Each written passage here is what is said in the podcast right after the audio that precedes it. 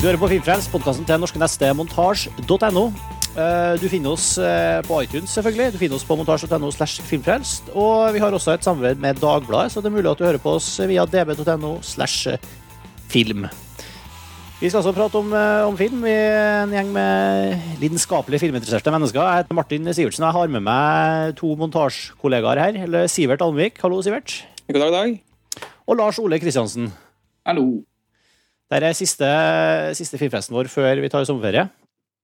Eh, og eh, vi har plukka ut eh, en, i hvert fall én film som hovedtema, og så skal vi komme med et par eh, eh, anbefalinger. eh, Sånn, snakke litt om filmer vi har sett det siste, og komme med et par anbefalinger for, eh, for eh, ting man kan se i sommer. Eh, Men, men filmen vi valgte oss ut, er altså eh, en film som kom eh, på kino i Norge faktisk rundt eh, juletider, tror jeg. Eh, 'Profeten'. En prophet. Eh, Og eh, grunnen til at vi har valgt den, er kanskje litt sånn eh, Litt tilfeldig, egentlig. Men jeg var en av de som ikke rakk å se den da den kom, og nå har jeg fått sett den fordi den er nylig tilgjengelig på, på DVD. Det var litt som med deg også, Sivert. Ja, det eh, Det stemmer, det. Jeg fikk til å se den i går, rett før hun opptak nå. Ja. og, og Lars Ole, du hadde sett den Du så den i forbindelse med, med premieren. Ja, jeg så den på pressevisning, så det begynner jo å bli en stund siden. Ja, det var en av de oversette filmene våre som, som liksom vi absolutt burde ha dekka da den kom, fordi den, eh, var, den fikk generelt veldig veldig mye ros og ble av mange trukket fram som et av eh, fjorårets eh, høydepunkter. Ja, Men det, det som er litt merkelig, er sånn som jeg har skjønt det, så har den gått ganske dårlig på norske kinoer. Så den Ja. har på en måte ikke fått eh, den oppmerksomheten den fortjener i Norge, da. For det har jo vært en Det var jo helt klart en av de mest omtalte filmene eh, i fjor. Og i motsetning til sånn som f.eks. Det hvite båndet, som gjorde det veldig bra på kino i Norge, så klarte liksom aldri Profeten å, å, å få nok oppmerksomhet, tror jeg, er til hans, på tross av, som du sier, at den fikk jo kjempekritikker. Ja. vi, vi begynner med å høre litt på traileren, vi. Før vi fortsetter. Så her er også uh, litt, en liten smakebit på uh, En profet.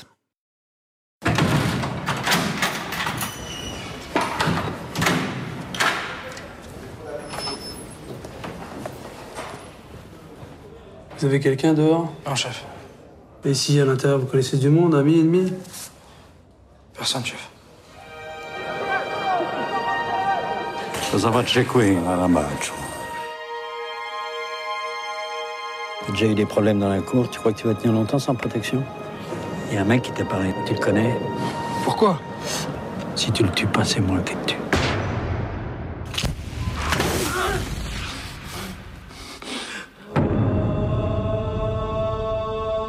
Sors pour moi, tu rentres et t'es payé. Tu parles avec les barbus, tu parles avec les corses, tu fais le grand écart.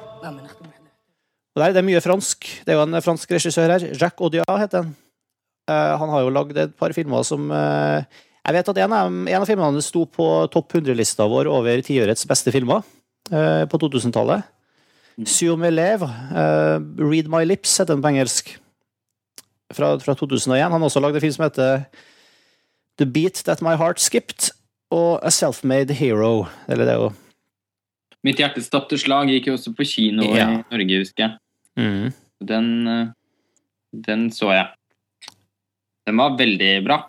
Eh, altså Veldig sånn Ganske sånn konvensjonell, eh, syns jeg, men veldig sånn eh, Veldig god, engasjerende filmfortelling. da. Veldig godt fortalt. Så Mm. den husker jeg var eh, den, den husker jeg gjorde at jeg ble litt sånn uh, At uh, at blikket mitt rettet seg litt mot dette sjakk og diar-navnet. Men så siden så har jeg aldri fått muligheten til å utforske det noe mer. Så jeg har jo aldri sett en Sur med lev, for eksempel. da. De levre, eller hva Nei. det er. Enn du, Sivert? Jeg må ærlig innrømme at uh, Un profet er da min første uh, Jacques Audiard-film som jeg har sett. Ja, samme her. ja. Så vi er litt sånn uskolert i, i regissøren vi har valgt å å og, Eller vi, vi, har valgt, vi har ikke valgt regissør, vi har valgt en film. Men Så- eh, kanskje du kan fortelle om, den, om han regissøren, du, da? Eh, Lars Ole, du, du som er kjent med han? Nei, ja, men jeg er jo ikke så kjent med han. jeg fikk, aldri, fikk liksom aldri begitt meg inn på det prosjektet. Eh, vi skulle hatt Eirik her fra, fra Montasj. Han er jo kjempefan av Jacques Audiard. Han har skrevet en veldig god artikkel Som, så hvis man, liksom søker, hvis man søker bare på Profeten eh, i søkefeltet, så vil jeg tro at man finner, opp, finner fram den, for den ligger i arkivet. Og den har også innbakt en omtale av Profeten. da. I søkefeltet på montasje, den òg. Mm. Eh, for den er veldig verdt å lese. Så jeg vil jo tro det er Man vil få mer ut av å lese den at vi skal sitte og, og snakke, om, snakke om Odiar her nå, for jeg vet fint lite, altså, bortsett fra at han er en regissør som på en måte har liksom jobbet litt i det stille i Frankrike. Han har på en måte aldri fått Før Profeten, da, nå har han jo fått det, men før Profeten har han på en måte aldri fått den anerkjennelsen som en del andre regissører i det man kan si er hans generasjon da har fått. Altså, det har vært mer snakk om f.eks. Laurent Cantet og, og Francois Ausson øh, og, og deres like. Altså, det her, det, man kan nesten snakke om en, en sånn slags generasjon med regissører i Frankrike da, som fikk sitt gjennombrudd på begynnelsen av 2000-tallet, eventuelt slutten av 90-tallet. Og Chocodiar har på en måte aldri helt fått like mye oppmerksomhet da, som en del av de andre. Og Derfor tror jeg det var mange som følte at han fikk en sånn slags oppreisning da, med Profeten i Cannes, for den var jo veldig lenge før Det hvite båndet ble vist. For Det hvite båndet ble vist helt mot slutten av, av fjorårets festival. Men før Det hvite båndet ble vist, så var faktisk Profeten eh, den absolutt heteste kandidaten til å vinne Gullpalmen. Og Det speiles jo også i at den vant eh, Grand Prix. Mm. Ja, det var også, som du sier, også veldig synd at det er at Eirik ikke kunne være med. Han skulle være med inntil en time før sending i dag. så det ble litt sånn stunt, da. Men, eh, men, men, i hvert fall eh, sjekk ut uh, mer bakgrunn om, om Odia på, på montasje.no, som du sier. Ja. Men altså til filmen her nå. det er jo en fengselsfilm. I, og, og, nesten som en, en sjangerfilm, kan man si. Ja, det kan man si. Mm. Uh, det, det, har jo Det er jo en sånn uh, Jeg husker at uh, vi Sivert så en film på Kosmorama som het en dansk fengselsfilm som het R. Mm, stemmer det. Og det var det første jeg tenkte på når, etter en halvtime inn i, i Profeten her, at det var, hadde veldig mye til felles med den. Ja, jeg fikk samme, jeg fikk samme følelse, jeg òg, da jeg så den. Nå er nå da Un Profet eh, kommet før, da. Så mm. det er jo av, avhengig av hvilken rekkefølge du har sett dem, da. Men jeg fikk en veldig sånn eh, R-følelse. Mm. For altså, det, det, er jo her en historie om en, eh, en ung kriminell som havner i fengsel, og på en måte Vi, vi følger han fra idet han blir kjent med miljøet og blir satt inn i reglene innenfor murene og maktfaksjonene og, og, og drama som spiller, som, som spiller seg inn der. Da. Og som i denne type filmer, så er det jo liksom Man setter jo man bygger jo drama, man bygger jo spenning med et sånt sett av, av regler. Man, liksom, man, kan jo lage en ny verden når man kommer innenfor et, et fengsel, på en måte. For da, da har du da, du, måte, da setter du på en måte alle reglene på nytt. Det er det som er så fint. Du, du, bestemmer hva, hva, det er som er verdt noe, hva det er som, uh, hva det som betyr noe, hva det er som er belønningene for, uh, for suksess, hva det er som er uh, fallgruvene, ikke sant? Ja, for du bygger jo opp rundt et miljø som forhåpentligvis de færreste kjenner, da. Mm. Så du har, jo, du har jo samtidig veldig mange begrensninger hva karakterene kan gjøre, men likevel så er det veldig interessant å se hvordan de løser da de problemene med kommunikasjon og, og diverse andre ting. da, og mm. Få inn og ut varer. Penger også uh, diverse. Og så, det, og så er det liksom artig at man skal følge en person her som, som vokser fra, fra en liten uh, ubetydelig småkriminell til, til storgangster uh, innafor rammene av fengselet. Mm. Så da, da, er det, liksom et veldig sånn ironisk forhold til, til Hva heter det? Ikke rehabilitering, men uh, til, til, til forbrytelse og straff, rett og slett, og hele fengselssystemet. Ja, altså Det er en, kriti, veldig, det er en kvass kritikk til fengselssystemet, mm. den filmen. der, for det er jo akkurat som du sier, at han går jo inn som en sånn Han, han går jo ut av fengselet som en kjempekriminell.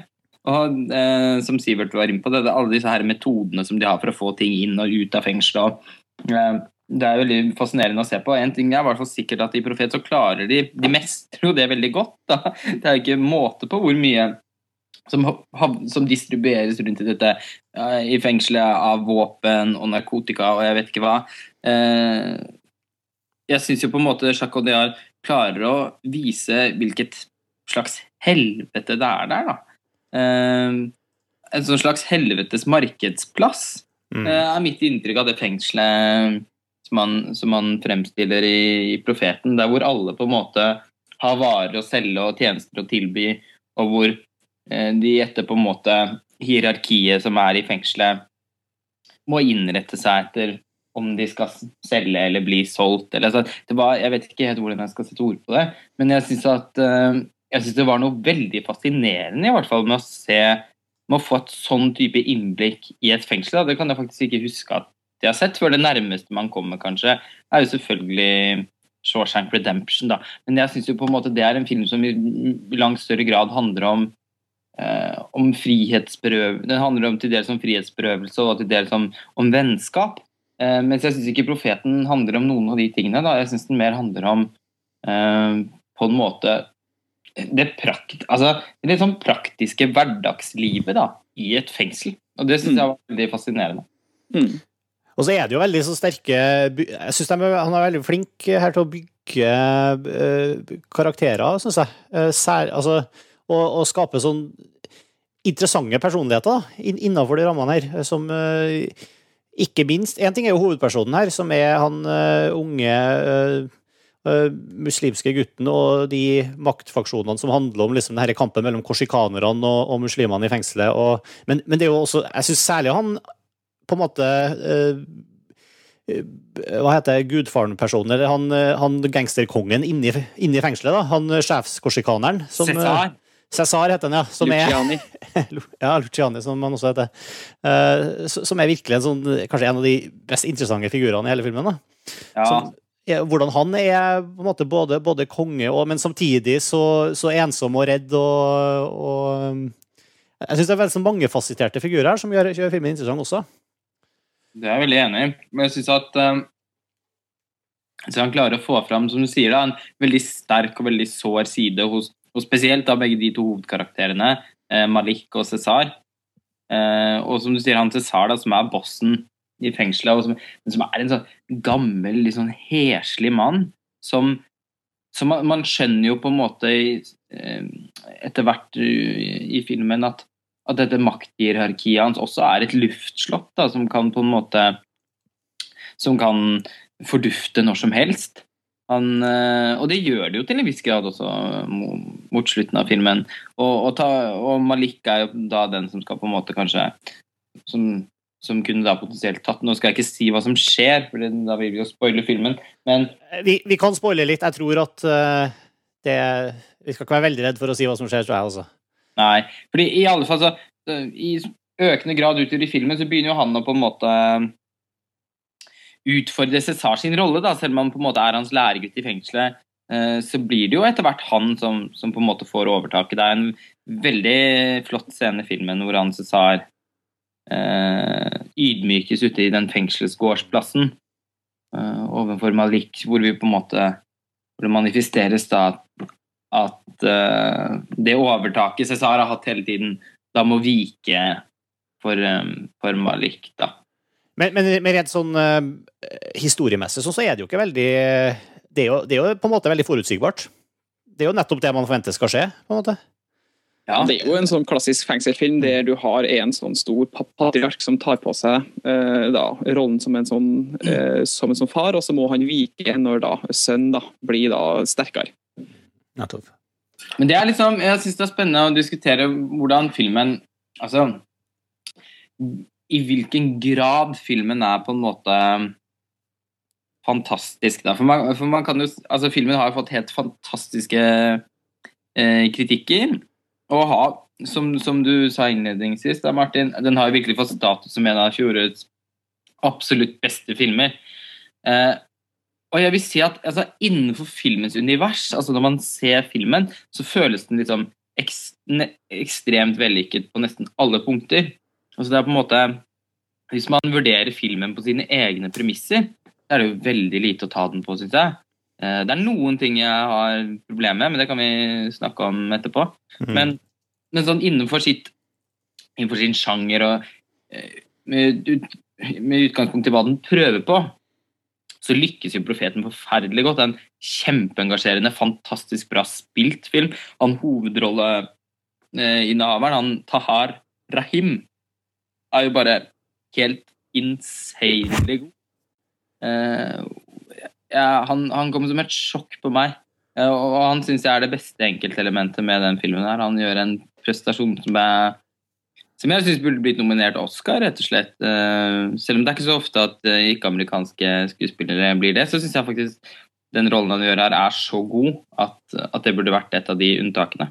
Men hvis vi går utover det, så har på en måte profeten et sånt et slags problem sånn med tanke på hvilken status man skal gi filmen videre. da, fordi det er jo akkurat som du sa, at den er veldig forutsigbar, og den er veldig konvensjonell. Og selv om det er noen små drypp av originalitet i det der, så er på en måte ikke de nok da, til å gjøre at filmen virkelig står ut da, i en større sammenheng.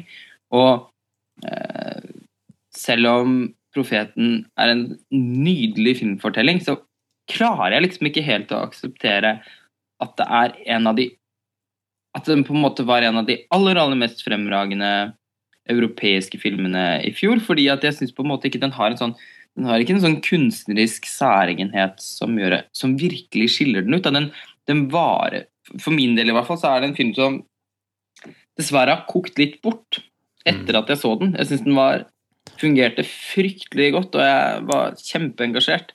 Men etterpå, altså de månedene som har gått siden, så er det jo på en måte egentlig en film jeg har glemt litt.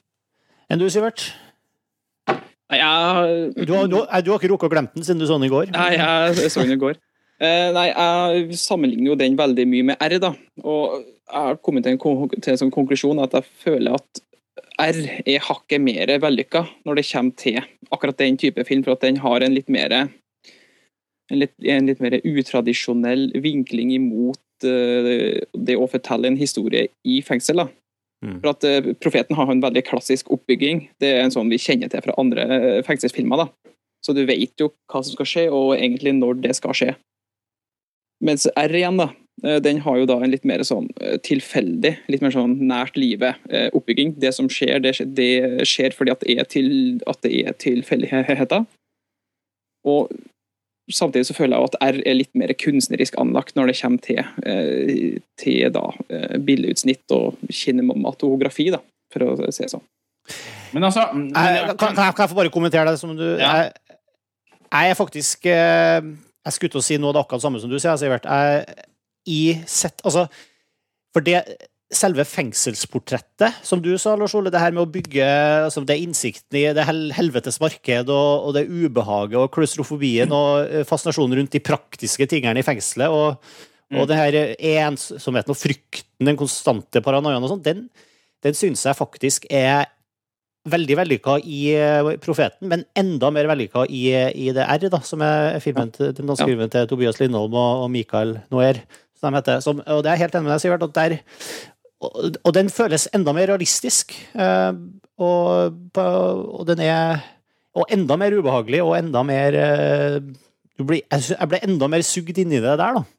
Så, ja, ja, ja, For R har jo egentlig ingen historie. Det, det, det, er jo ikke noe at de skal prøve å at han skal prøve å rømme, eller at de skal prøve å komme seg ut, eller at han R, ja. som han heter, han, han hovedpersonen, da, at han forsøker å stige i gradene. Det er bare en sånn ja, så jeg synes, men jeg synes liksom at jeg, jeg, vet ikke om jeg, jeg falt ikke så for de der litt spenstige fortellergrepene i R heller, men jeg, liksom, som, som en sånn fengselsportrett så syns jeg det var på en måte mer interessant enn enn Profeten sin. Men jeg syns fortsatt Profeten er en veldig veldig god film og, og har egentlig mer interessante uh, karakterer. Og, ja, fordi det er det, det, er det jeg syns bærer filmen veldig. da, fordi jeg syns også, uh, på tross av at på en måte det den slags innvendingen som jeg sa i stad, så syns jeg jo det er en knallgod film. Og det er jo en toppfilm.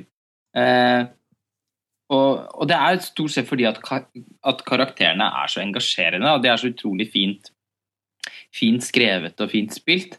Og, og, det, og den Altså, jeg, jeg, vil på en måte ikke anklage filmen helt for at den er på en måte er liksom i gåsetegn ukunstnerisk, da, fordi at den, det ligger også en uh, Altså, jeg syns at den nøkternheten da, som er i, i regien til Odiar, også er noe av det som faktisk også gir filmen styrke. Da. Jeg vet ikke om jeg syns han hadde kledd filmen at den var så utrolig mye mer uh, Vet ikke, altså, av, avantgarde i hva den forsøkte å Jeg, jeg, jeg syns den nøkternheten egentlig kler filmen veldig godt, men det, altså, det er jo litt det jeg snakket om i stad, at innenfor, sin, innenfor sitt eget prosjekt så fungerer jo egentlig filmen helt perfekt. Det er mer at hvis man liksom, liksom Ettersom den har fått så, så høy status, da, så blir man jo på en måte nødt til å sammenligne den med andre euro, europeiske filmer fra det samme året, da, som, som Antichrist eller De hvite båndene eller De ufrivillige osv. Og, og jeg syns jo på en måte ikke Profeten er, liksom, er ikke på det nivået, da. Men det er en, altså, det er en fransk Hollywood-film, og en fryktelig, en fryktelig god en. Mm, og den er jo underholdende, ikke minst. Veldig, veldig underholdende. Men jeg, Og, jeg, og spennende. ja. spennende. Men jeg, et, et, et, noe som jeg lurer på om dere er enig med meg i, er på en måte uh, et, et veldig sånn problem da, som jeg hadde med filmen. Fordi at jeg syns at den første den første halvtimen den synes jeg var helt fantastisk. Eh, jeg syns at eh, nesten alle de aller sterkeste scenene i filmen da, var den første halvtimen. Det er jo en scene med han hovedkarakteren der han skal forsøke å ha et barberblad i munnen. Ja, det var ekkelt. Det var da Ja. ja. Ja, men Den var bare helt, helt utrolig. Og altså, det, det, det, det, var, det var da kona mi bestemte seg for at hun ikke ville se noe mer. Ja, det skjønner jeg jo. Men, eh, men, men når jeg så den scenen, og den påfølgende scenen hvor han da må drepe en annen i fengselet, eh, så fikk jeg faktisk følelsen at jeg satt og så en umiddelbar klassiker. Den første, time, den første halvtimen, eh, kanskje 45 minuttene, var, så jeg hadde en voldsom intensitet. da. Eh, Men jeg syns på noe vis den flater seg litt ut etter hvert. Jeg Og jeg har spesielt problemer med siste akten fordi at eh, Altså, jeg kan ikke skjønne hva man har tenkt når man har skrevet dette her i manus, men man lar jo da Malik, hovedkarakteren, forelske seg i den kreftsyke kameratens kone. Og det er så hinsides dumt. Ja. Den, den, den går over i et sånt rart uh, territorium. ja. Den gjør det. Ja, og når hun står og venter på han utenfor fengselet men så Kameraten er død, og det var liksom helt ok, fordi da kunne han få henne. Og vi har aldri jeg syns aldri på en måte filmen klarer å finne noen god motivasjon for at de skal bli så ekstremt forelsket i hverandre. Og Men, eh, men, men er ikke det like mye en eh, Ja, er det virkelig en forelskelse, eller er det en eh, en slags eh, eh, vennetjeneste, i hvert fall. Altså, det, han, han, han føler at han skylder han, han, han trenger noe å ta vare på. Det er jo et barn involvert som er veldig viktig her, ikke sant? jo, er jo- jeg kan skjønne Og det er jo- var jo hans beste kontakt på utsida som, som eh, har, han hadde lova å ta, ta vare på, på, på barnet til. Og Ja, det er kjempebra å få en sånn storkriminell da, til å ta vare på det er, nei, jeg veit ikke. Jeg kjøper ikke det her, altså. Nei, jeg vet ikke. Nei. Jeg, jeg er enig. Jeg tror, nok det, tror nok det du sier nå, er det man har tenkt. Mm. Eh, men jeg syns det funker veldig dårlig. Og jeg synes at på en måte en film som er såpass hard da, som den strengt tatt er, det er ikke noen fislefilm, uh, syns jeg det er merkelig at, uh, at de har en så søtladen avslutning, da, hvor, de, hvor han møter henne Ja. utenfor porten, og de nærmest leier hverandre ut. Altså det, jeg, skulle, jeg skulle nesten ønske at filmen hadde sluttet 20 minutter før, ja, hvor vi hadde sluppet alt dette tullet. Ja. Mm. Den var, den, den var for lang, altså, når jeg tenker på det. det var, den, Den er jo to og en halv time lang.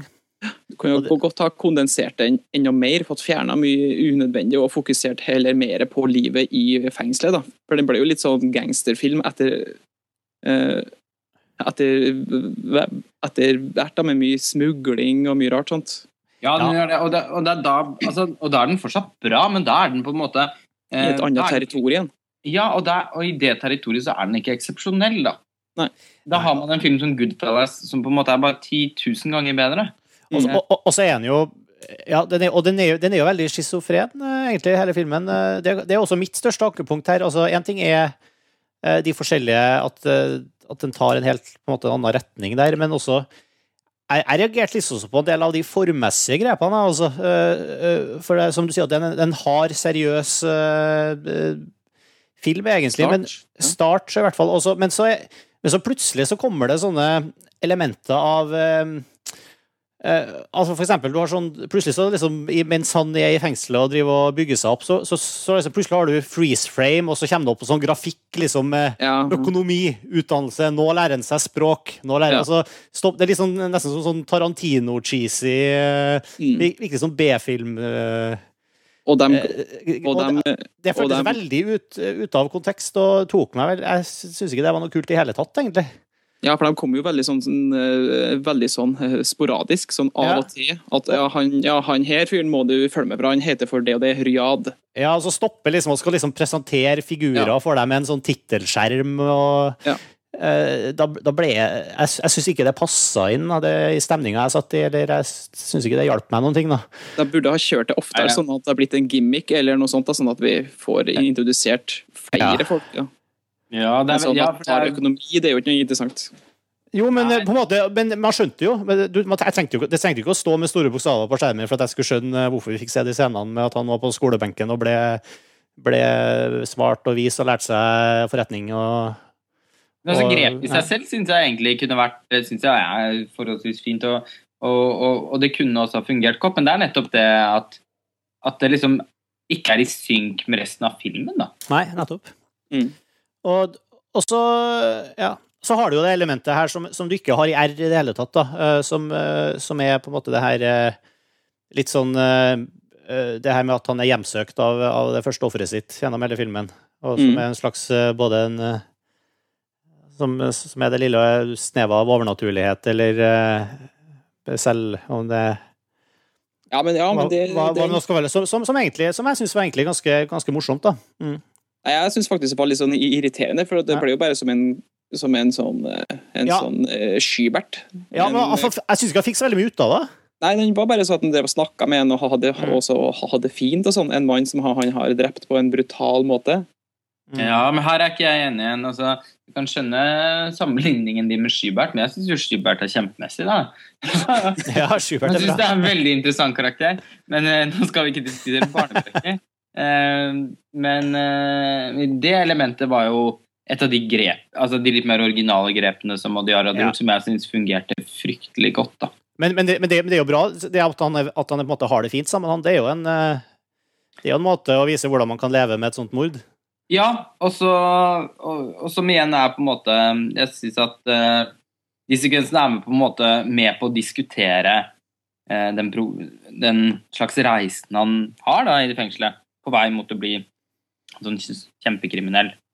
Eh, og, og jeg syns også de sekvensene er veldig vakre, rett og slett. Jeg det er veldig flott, flott gjort. Og det gir på en måte tilfører en sånn slags altså Man kan jo si altså denne helvetes magiske realismen som har blitt så ekstremt populær, eh, og, som, og som stadig blir brukt eh, på, på, i filmer og fortellinger hvor det ikke passer i det hele tatt. Men her syns jeg faktisk det pass, altså på, på en eller annen merkelig måte så syns jeg det fungerte veldig godt. Altså.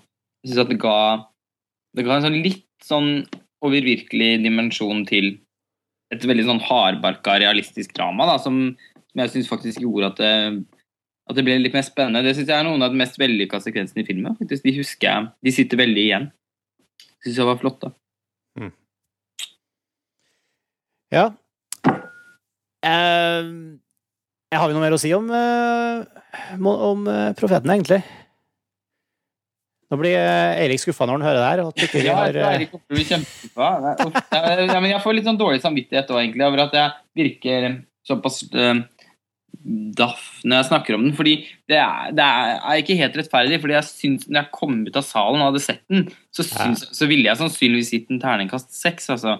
Hvis jeg hadde vært i dagspressen og skulle, skulle gått og anmeldt den med en gang, så, så vi har nok fått ganske store ord. Men det er, men det er en veldig jeg synes det er en veldig sånn øyeblikksfilm. Da. Og det kan godt hende at når jeg får sett den når jeg får sett den en eller kanskje til og med to ganger til, så kan det godt hende at dette faktisk er en film som vokser. mm. Fordi at eh, hvis, hvis den på en måte funker like bra som filmfortelling en gang til, og blir like engasjerende, så, så må jeg på en måte vurdere å anerkjenne den mer. Mm. Men, men jeg merker bare at det er en film som ikke har satt seg like godt i meg som jeg hadde trodd da jeg så den. Jeg føler da at, at, R var da hakket bedre, for den husker jeg eh, ganske detaljert ennå, mens jeg føler nå at eh, profeten starter å forsvinne i glemmeboka til meg. Og det er en av de måtene jeg måler da, om jeg synes, synes en film var bra eller ikke, om jeg faktisk husker den. Ja, jeg synes, Så- eh, ja. Men vi er vel enige om at det er en god film. Uh, Ja, ja, og i varierende grad kanskje ikke helt på, på det mesterverknivået. Og den ble jo Det var vel mer et sånn undergrunnsfenomen at den var eneste mesterverk i Norge. Altså, jeg husker jeg leste flere på, som, på Twitter som, eh, som var veldig der og Ja, og det var mange også, så jeg så også disse på Twitter også, noen sånne norske personligheter på, Twitter, på Twitter som på en måte Ingen tvil, 'Profeten' var fjorårets beste film. Ikke Det hvite båndet og, og Nei, det kan vi bare bekrefte her, at det er ikke riktig. Ikke sant.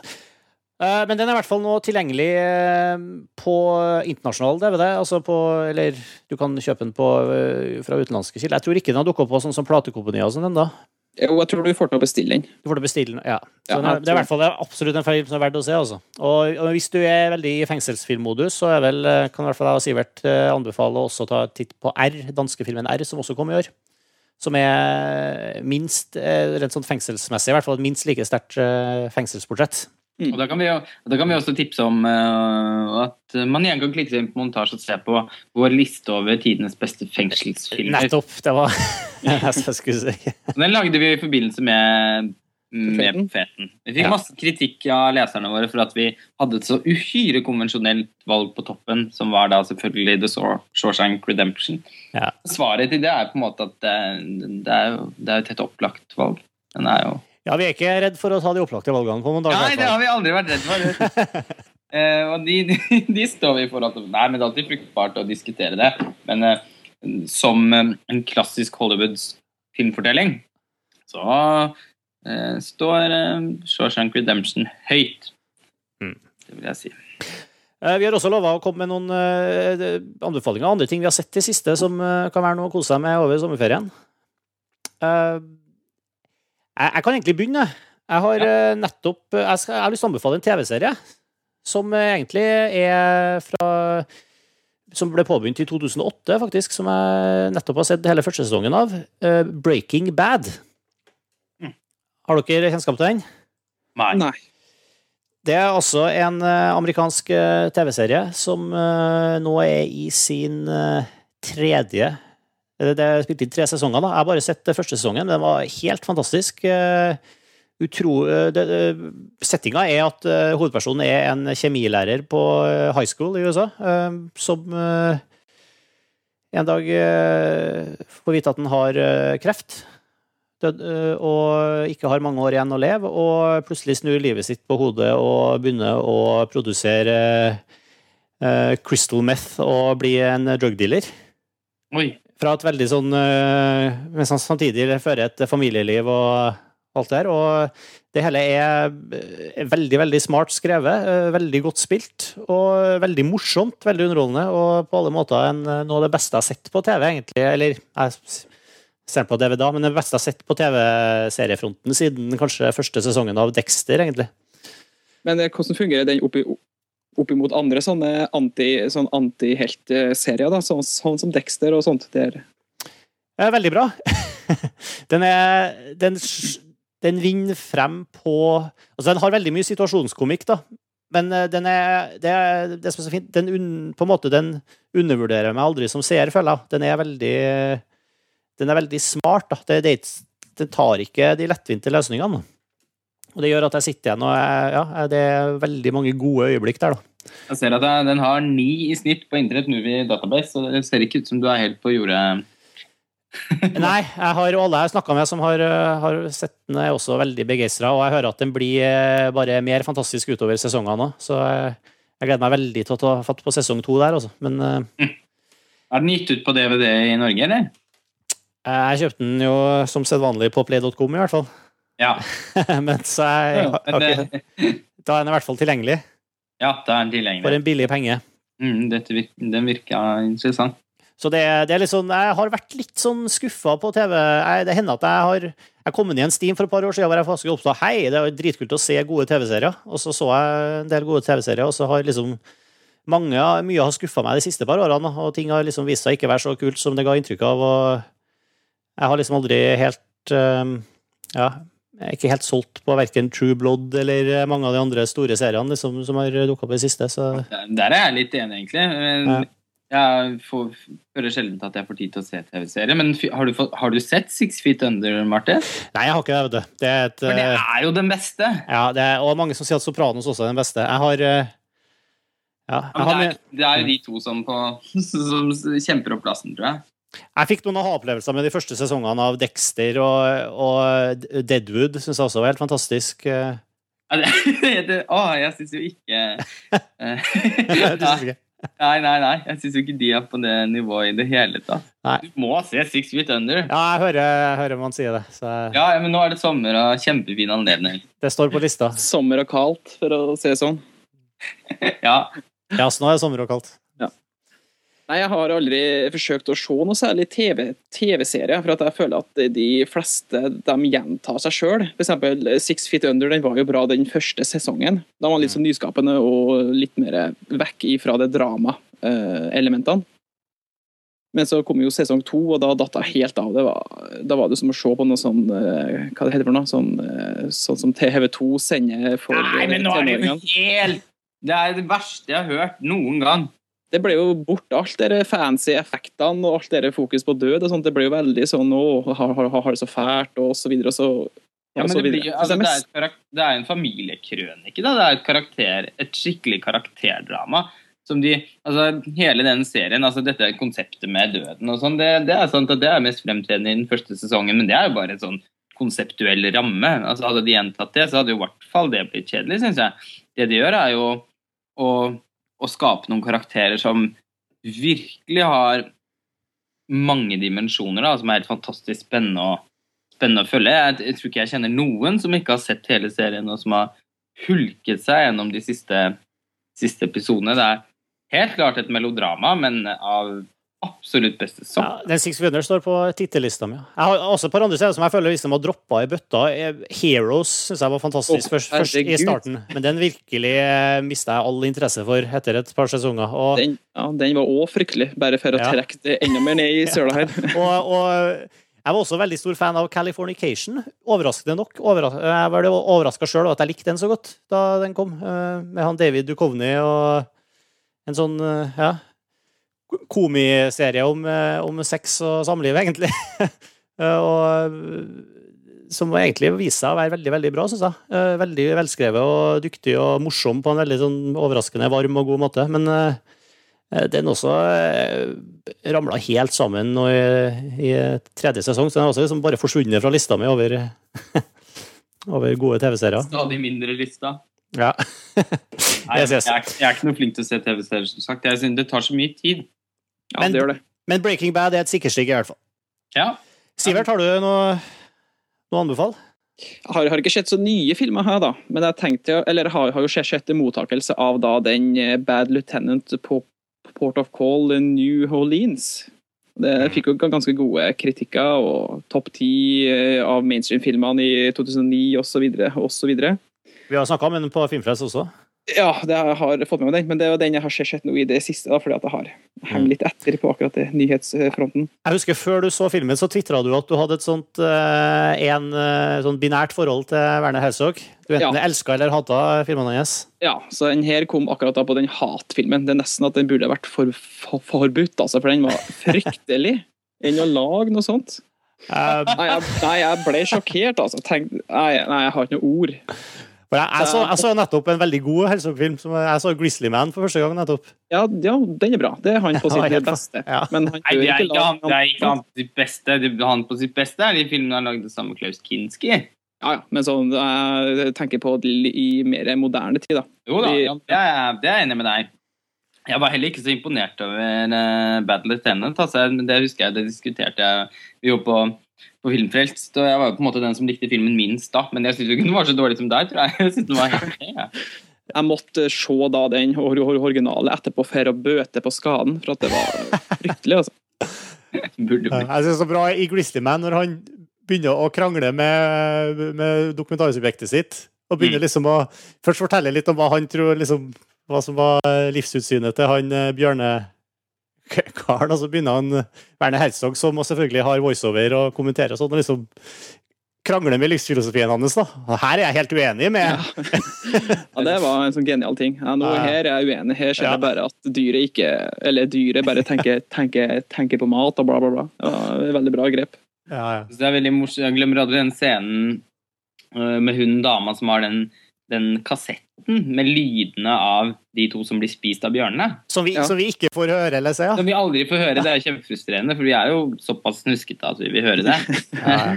Jeg hadde håpa på det på rulleteksten. Jeg husker jeg Ja. men, men det ble jo ikke noe av. Men jeg synes den er veldig morsom, den scenen hvor han sier This will be the white elephant in your living room. It must be destroyed. Ja. Det Ja, det var bare veldig bra. Jeg tenker på Arnold Terminator, da. There is one more chip that must be destroyed also. Ja! Ah, nei, det var stort. Jeg har en film å anbefale. Ja. For uh, jeg har sett um, I dag så har jeg sett uh, Mick Max. Mer fransk film. Ja, av Jean-Pierre Genet. Fordi jeg aner ikke hva som skjer med den norske kinopremieren, men den har jo blitt utsatt og utsatt og utsatt. Kanskje de skal la den gå rett på video? Det hadde jo vært helt vanvittig. Jeg trodde den var Ja, den skulle jo vært allerede. Ja, den skulle vært for lenge siden. Ja. ehm, Men den trenden som er nå, er jo at mange av disse filmene ender med, som blir utsatt igjen og igjen, havner rett på video. Jeg syns jo det er helt katastrofe hvis en ny film av Jean-Pierre Genet ikke kommer på kino i Norge. Da kan vi nesten legge ned hele kinosystemet. Altså, jeg, jeg, jeg, går, jeg går ikke så mye på kino, så jeg syns ikke det gjør noen ting. Ja, men jeg går mye på kino. Jeg synes at altså, Mannen som har laget Amelie, som vel er den mest populære ikke-amerikanske filmen de siste ti årene, eller noe sånt nå, i hvert fall sånn på folkemunne, han må jo virkelig få lov til å, til å få filmene sine på kino. Og helst ikke et år etter at de har hatt premiere i alle andre land.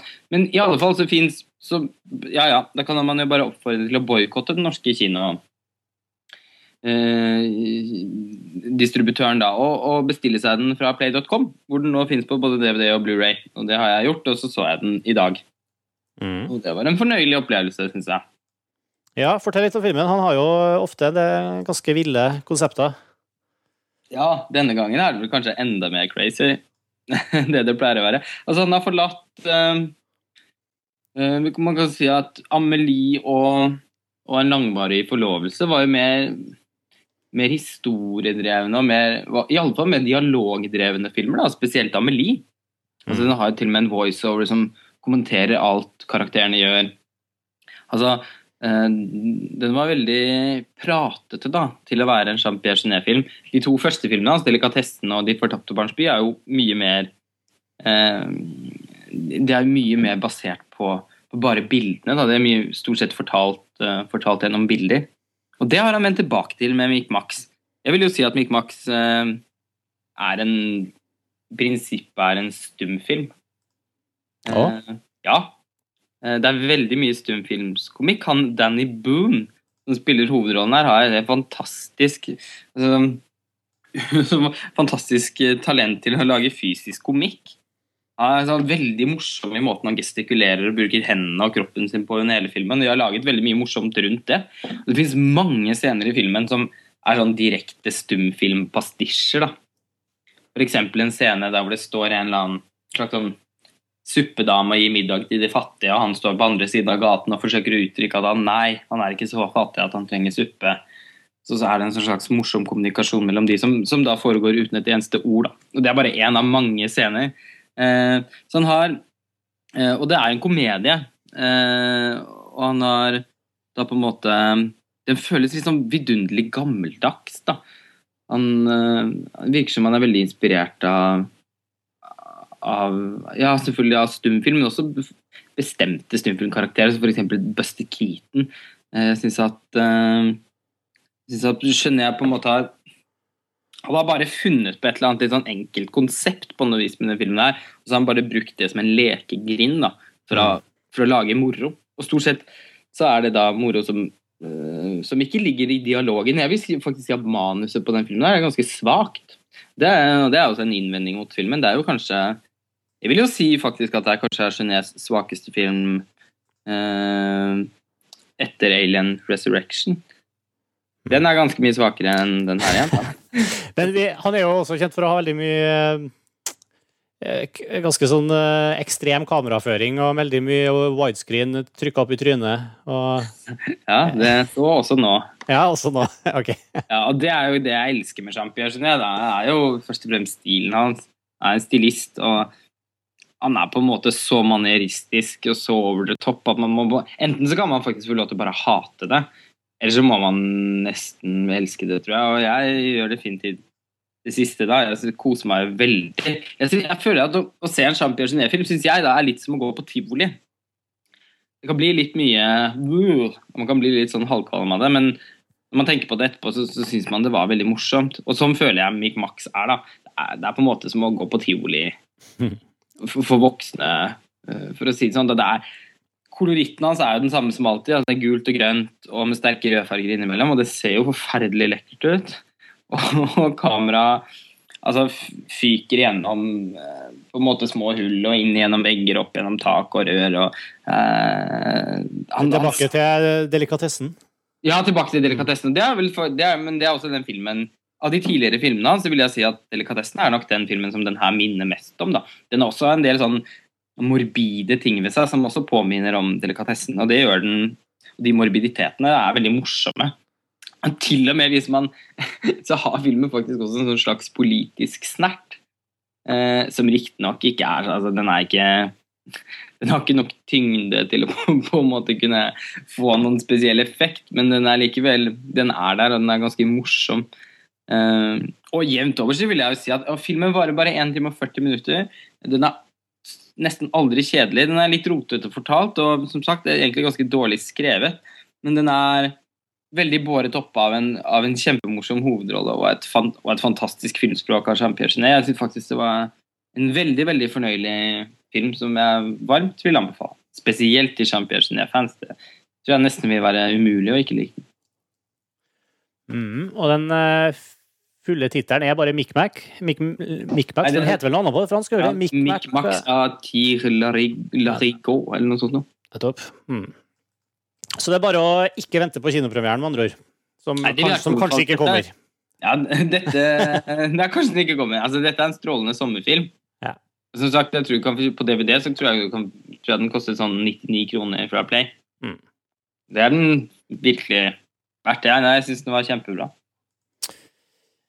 Nei, men det er bra. Da har vi både Profeten og anbefalinger og andre ting eh, i boks. Og det er jo en fin måte å rappe opp eh, sesongen for. Vi, vi tar jo sommerferie nå. Eh, det er et par uker Tre Vi kommer tilbake rett etter sommerferien med en eh, spesialepisode om eh, store filmer. Vi skal, vi skal kanskje ikke røpe nøyaktig hva det blir om, men det blir eh, Hollywood-orientert, for å si det sånn. Det blir Hollywood-orientert.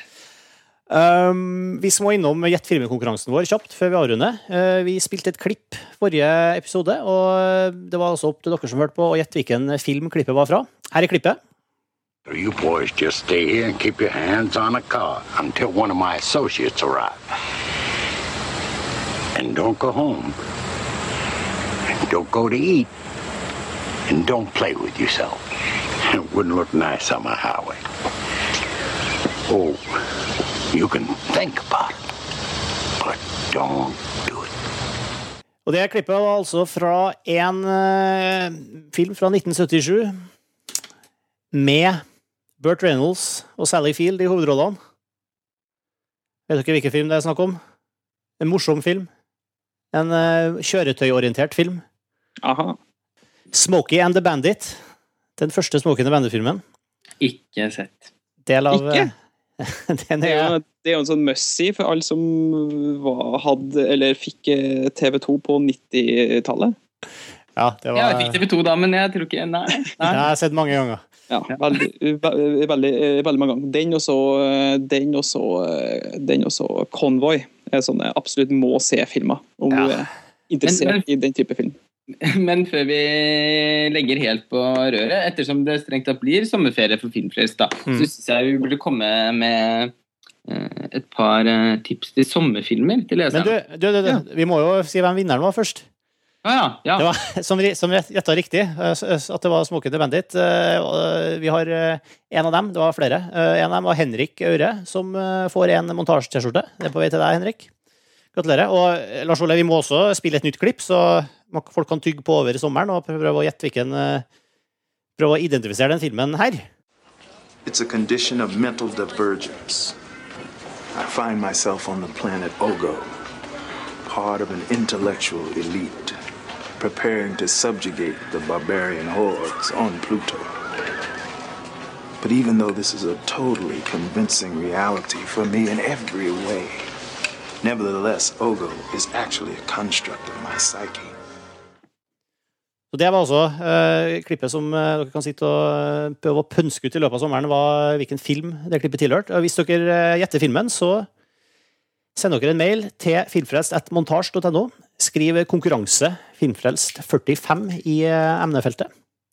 Og så er dere med i, da, i trekninga om en montasje T-skjorte. Så oppgi også postadressen deres og hva slags T-skjortestørrelse dere eventuelt ønsker dere. Men da, du har helt rett, Lars Ole. Ja. Filmtips i sommer. Jeg tror Vi har jo på en måte gitt en del tips allerede, men eh, Ja, men nå tenkte jeg på mer en sånn noe, noe som vi syns er noen skikkelig sommerfilmer, da. ja, Smokie and the Bandit. det er Første anbefaling. Det er tips til deg, Lars Ole. Ja, tips til meg. Jeg skal Ja. skru den bak øret. Det har kommet ganske mange dårlige the Bandit-filmer òg, nemlig. Men den første, Men den første den er skikkelig god. Ja da. Skikkelig god er den jo ikke, men eh, eh, sammenlignet med de andre, så er den, så er den bra. Fin. Har du noen sommerfilmtips, eh, Sivert? Ikke som jeg kommer på sånn akkurat i farta. Det må jo bli Convoy, da. Det er ordentlig sommer. Det er sol, og det er varmt, og det er trailere. Det er ordentlig sommer. Martin? Jeg, kan ikke du gå først, Lars Ole? Jo. jo. Eh, da vil jeg anbefale 'Alle vi barn i Bullebyen' av Lasse Hallstrøm. Ja. Basert på Astrid Lindgren sin barnebok. Og de to filmene han har laget om, om eh, Bullebyen, eh, det er etter min smak kanskje de aller fineste filmatiseringene da, som er laget av Astrid Lindgrens eh, romaner. Eh, han laget det jo etter at han hadde blitt Oscar-nominert for 'Mitt liv som hund', som også er en fantastisk film, men som er mer av en julefilm enn en sommerfilm. Men 'Alle vi barn i Bullebyen' er i, alle fall for det første en utrolig sånn nostalgisk og veldig romantisk framstilling av barndom som jeg aldri slutter å bli berørt av.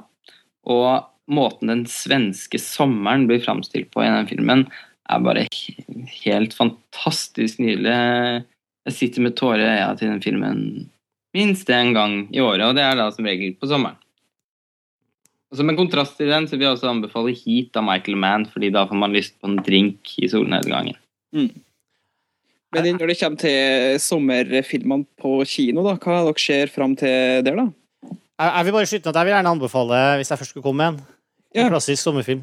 Uh, Steven Spielbergs Jaws. Haisommer. det er jo en veldig klassisk film. Veldig fin å se på før du stikker på badeferie. Ja. Uh, kinofilm, ja. Som går uh, nå, Ja. Det er vel bare to man gleder seg virkelig til. Eller jeg, i hvert fall. Det er jo. Inception og Toy Story 3. Det er jo særlig Ja, det er rett og slett det. Særlig Inception for min del. Eh, Ja, særlig Inception. Det Ja. Toy Story 3 føler jeg på en måte at jeg, det blir sikkert fin, men jeg på en måte vet hva som venter meg. Ja, men den blir jo sikkert Den har jo fått et helt panegyrisk mottakelse. Ja. Det er ikke grenser. Jeg tror den ligger på sånn syvendeplass på topp 250. Altså, Den kommer jo selvfølgelig til å dette ned derfra, fordi, men, men det er etter en sånn 13 000-14 000 stemmer. altså Den er virkelig godt lik. Jeg tror jeg har 98% på Rotten Tomatoes. Ja. Som Pixar har laget nok en innertier. da, og Med tanke på at mine favoritter av de tidligere Pixar-filmene faktisk er Toy Story 1 og 2, så er mine forventninger du er ganske gira. Jeg, jeg, jeg sitter, men når det gjelder Inception, så er jeg litt som er den nye filmen til Christopher Nolan. Så er jeg litt i sånn eh, Jeg sitter nesten og krysser fingrene og håper at vi er liksom en, At vi her er vi på liksom eh, The Matrix-nivå, liksom. Det skal bli en sånn sånn definerende film på samme måte som The Matrix gjorde i, Ja. for, for ti år siden. Så Ja, du håper jo for guds skyld at den er bra, da, sånn at man Ja. ikke går på en ordentlig smell. For å, den kan jo, si det sånn. kan jo tanke, tanke skikkelig, liksom. Ja, det, ja. det er jo derfor den har- jo fått utrolig store for, forventninger nå, da. Så vi Mm. får nå se. Men den kan jo ikke være noe Den kan jo ikke være dårlig. Altså, men det, Nei, Men det, er jo, det blir jo veldig ille om den er fryktelig dårlig, da. Da Ja, ja, det ikke sant, det vil jo bli- ja, da må vi arrangere begravelse. Men, Ja, nesten. men, eh, men eh, det er vel nesten flere år siden jeg har sett en så fet trailer, tror jeg, som den siste traileren til Inception. Den var jo bare til å flå av seg huden for. Nei. Eh, Oi, men du vet jo, det er jo Da sitter jeg faktisk og håper at altså, Jeg krysser fingrene for årets film. Det er jo litt pussig. Vi, skal jo, det blir jo, vi må kanskje må tenke om Filmfrelst-planen vår forover her, fremover her. Vi har jo planlagt Filmfrelst-episode på lufta rundt lanseringstid for Inception, som ikke handler om Inception. Mm. Det er spørs om vi må Så vi må gjøre noen grep. for Først må vi gjøre noen grep der, ok. mer engasjert i Incepten enn den vi har planlagt å snakke om. Men vi kommer tilbake til det er i hvert fall vi- Filmfrelst er tilbake om eh, en knapp måned. Så inntil da så takker vi for oppmerksomheten. Takk for en fin eh, sesong. Og takk til Sivert Alnvik og Lars Ole Kristiansen for at dere var med i episoden her. Jo, takk sjøl. Uh, les montasj.no i sommer. Gå på kino, se film. Så kommer vi tilbake med frisk, frisk giv om en måneds tid. Hei så.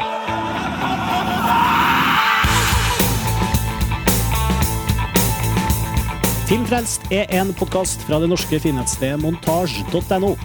Du kan abonnere på Filmfrelst i iTunes, og du kan lese mer og delta i diskusjonene om hver enkelt episode på montasj.no slash filmfrelst.